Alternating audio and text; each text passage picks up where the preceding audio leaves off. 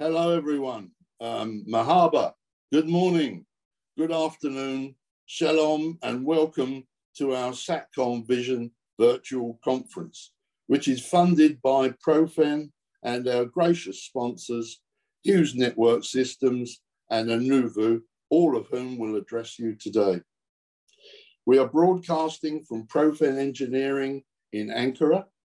My name is Barry Watson, your chairman for today, speaking to you from Blandford Forum in the UK.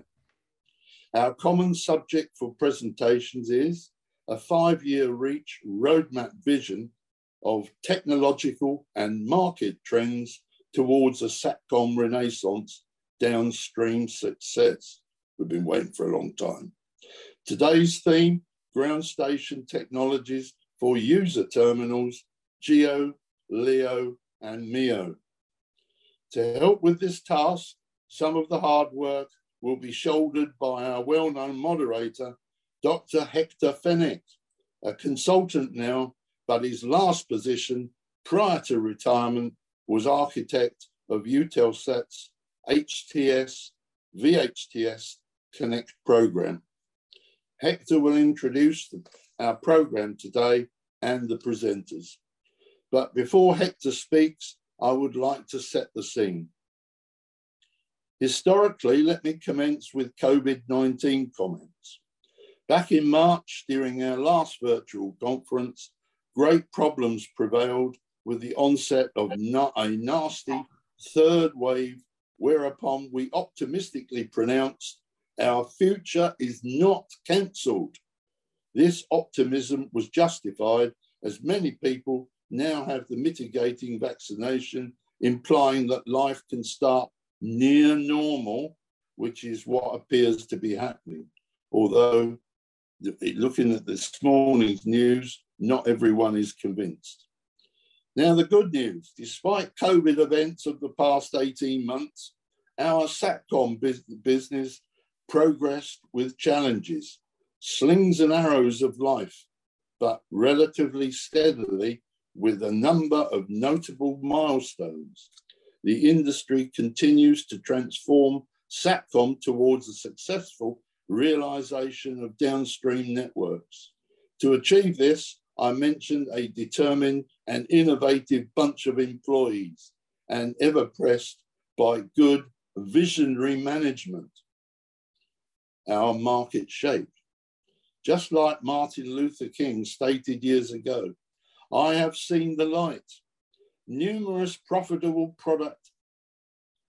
There is an, an epoch market opening creating numerous product, profitable product opportunities when addressing fixed orbit, VHTS, HTS, GEO, plus the newly added geosynchronous LEO, MEO satellite constellations.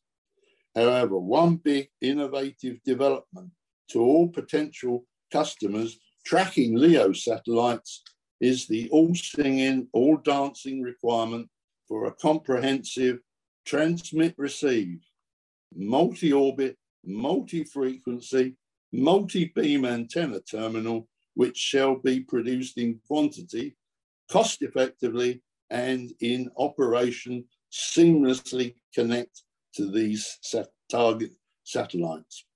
Anyone achieving this over time will be deemed a winner. Predictably, there will be several successful candidates. As we read, many, many players, mostly venture capital funded, are engaged in innovative, novel, exciting development work, some stretching back over five years or more. However, to date, we have not seen many entrants with qu quantity product offerings satisfying appetites for consumer broadband, enterprise, or other potential markets quite yet. The overall task is not easy for any RF designer.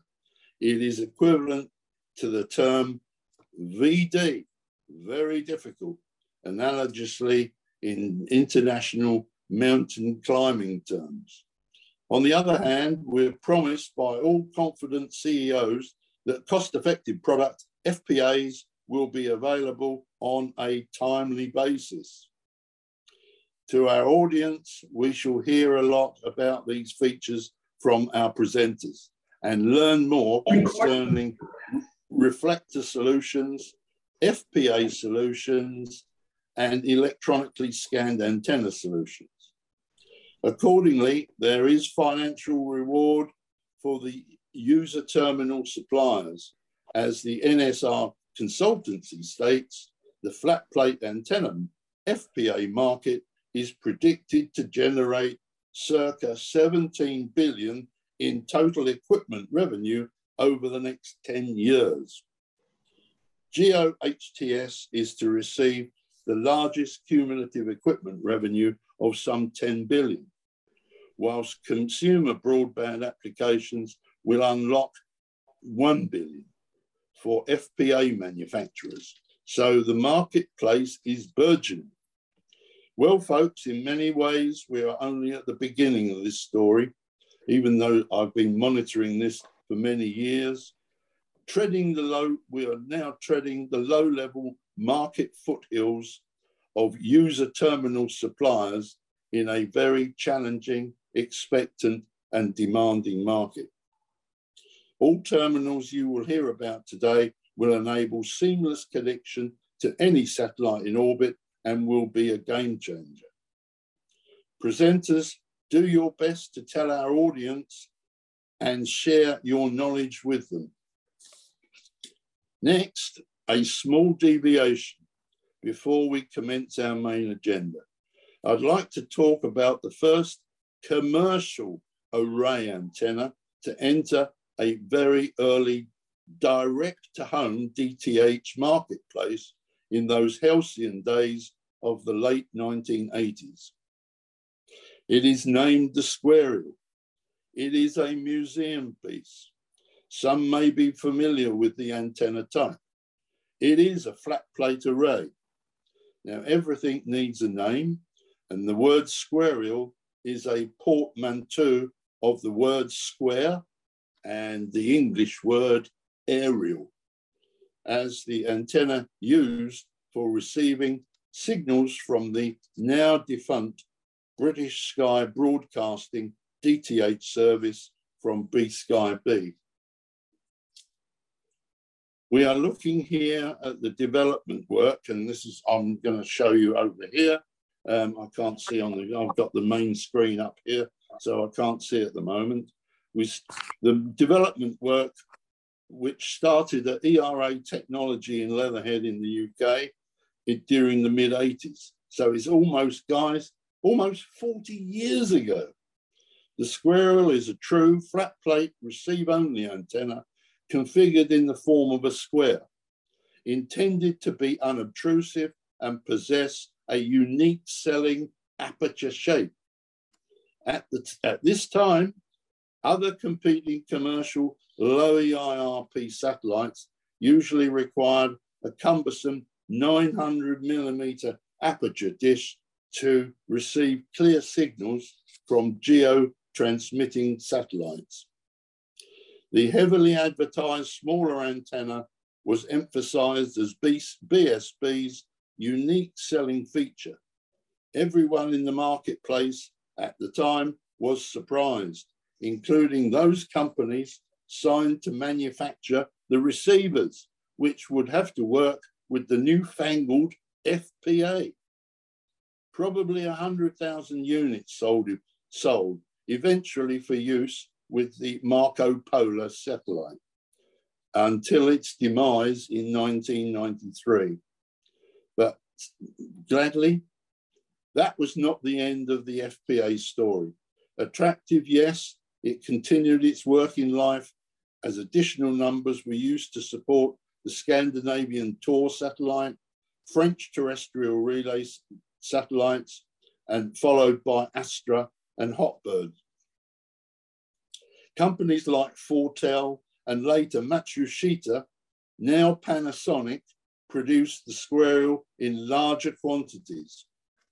Finally, technically, for those who are interested, two versions were developed using the first using waveguide technology with an array comprising 256 individual radiating elements fed by a distribution network, all realized on a copper plated composite plastic structure. The second is a strip line fed array, which I'm highlighting today. Both possessed aperture dimensions of 390 millimeters. In, in operation, the squarial was configured to represent a diamond aperture to the target satellite to take advantage of the lower off-axis side lobes, increased isolation inherent in that plane to be aligned diagonally tip to tip with the geostationary arc or Clarke belt. Now, I, I can't see, I'm, I'm, not on the picture here, so I can't see. Uh, Daphne, hello. Anyway, ah, that's it. Here we go. I just got to get back. Um, this is the squarial. It looks pretty modern to me. I'm going to now take it apart and I'll take the cover plate off. Get it, get there, yeah. So this is the diamond shape. And that would be aligned in, in line with the geo, geo arc. Inside, oh, inside the, in this clamping area here is polystyrene, low loss dielectric. And then what we have, if I can show you this the best, like that. So here you have 256 uh, radiating elements. So these are the radiators, strip line, and that's then fed in underneath this plate. Plate, there we are. Look, I can bring it up there, and that bit there. See, you see the blue blue marks underneath. That's the distribution uh, network. So here it is, almost 40 years ago, and a wonderful piece of kit. Um, and that was quite unique at the time. So I'll put this back. So uh, I'll go on to the final part. So my contribution at that time, and I was just a youngish engineer, was to do the design work to introduce the novel diamond shape because that was diamond antennas were all the rage at that time. So if you could look carefully when you are out and about in these regions, you may see a few remaining squarial specimens fitted to walls of houses or within teleports.